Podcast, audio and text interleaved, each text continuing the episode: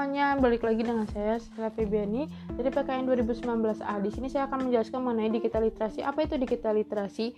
Digital literasi adalah pengetahuan atau kecakapan seseorang dalam menggunakan media atau alat digital dan jaringan dalam menemukan atau mengevaluasi dan membuat informasi serta memanfaatkan informasi tersebut dengan baik dalam rangka interaksi dalam kehidupan sehari-hari. Lalu apa teknologi yang teori yang mendukungnya? Awalnya literasi hanya menuju pada kemampuan seseorang dalam menulis, membaca, dan memanai informasi menurut UNESCO. Namun seiringnya waktu konsep literasi ini terus berkembang, sehingga dalam kompetensinya literasi digital berguna untuk menghadapi informasi dari berbagai sumber digital yang terus berkembang.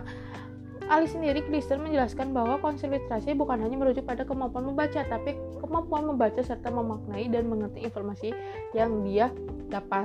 Contohnya itu ketika mendapatkan informasi, dia tidak hanya membaca tapi dapat memaknai arti informasi yang dia dapat. Lalu dari konsepnya sendiri adalah sikap atau ketertarikan atau kemampuan seseorang dalam menggunakan teknologi digital untuk mengakses atau menganalisis informasi mengevaluasi informasi sehingga dapat membangun pengetahuan yang baru yang mana nantinya dapat digunakan agar dia dapat berpartisipasi dalam masyarakat. Salah satunya ketika dia menemukan pengetahuan informasi yang baru di mana informasi tersebut baru dalam masyarakat sehingga ketika dia mengevaluasi kebenaran informasi tersebut dapat menjadi pengetahuan yang baru.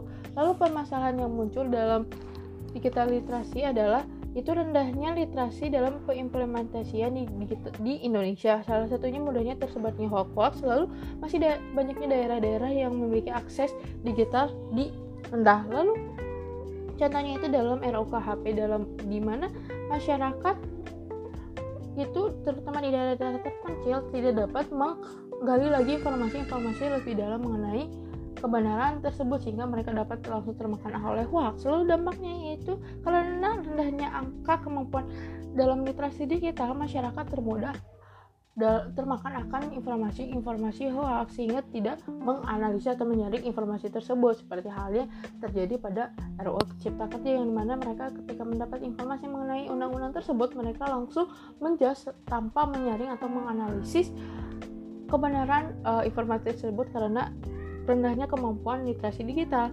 Lalu bagaimana sih solusinya? Itu dengan ditingkatkannya masyarakat yang memiliki kemampuan literasi digital. Selain itu juga ditingkatkannya akses internet di daerah-daerah yang memiliki akses internet rendah di Indonesia. Sehingga di mana nantinya ketika masyarakat mendapatkan informasi, mereka dapat menyaring terlebih dahulu kebenaran akan informasi yang mereka dapat seperti halnya informasi-informasi uh, mengenai RUU Cipta Kerja. Mereka dapat menyaring, menyaring atau meneliti atau menganalisis dulu kebenaran informasi tersebut tanpa menjas atau langsung menghakimi pemerintah itu sendiri. Lalu bagaimana sih solusi? Uh, bagaimana sih kita mampu menyesuaikannya jika dilihat dalam kondisi sekarang? di mana masyarakat itu memiliki teknologi akses internet banyak bahkan dari anak kecil pun sudah memiliki akses internet. Nah, di sini itu peran masyarakat atau peran orang tua dan guru dalam mendampingi si uh, siswa atau peserta didik tersebut agar dapat menganalisis atau mengevaluasi informasi yang mereka dapat sehingga tidak termakan hoax.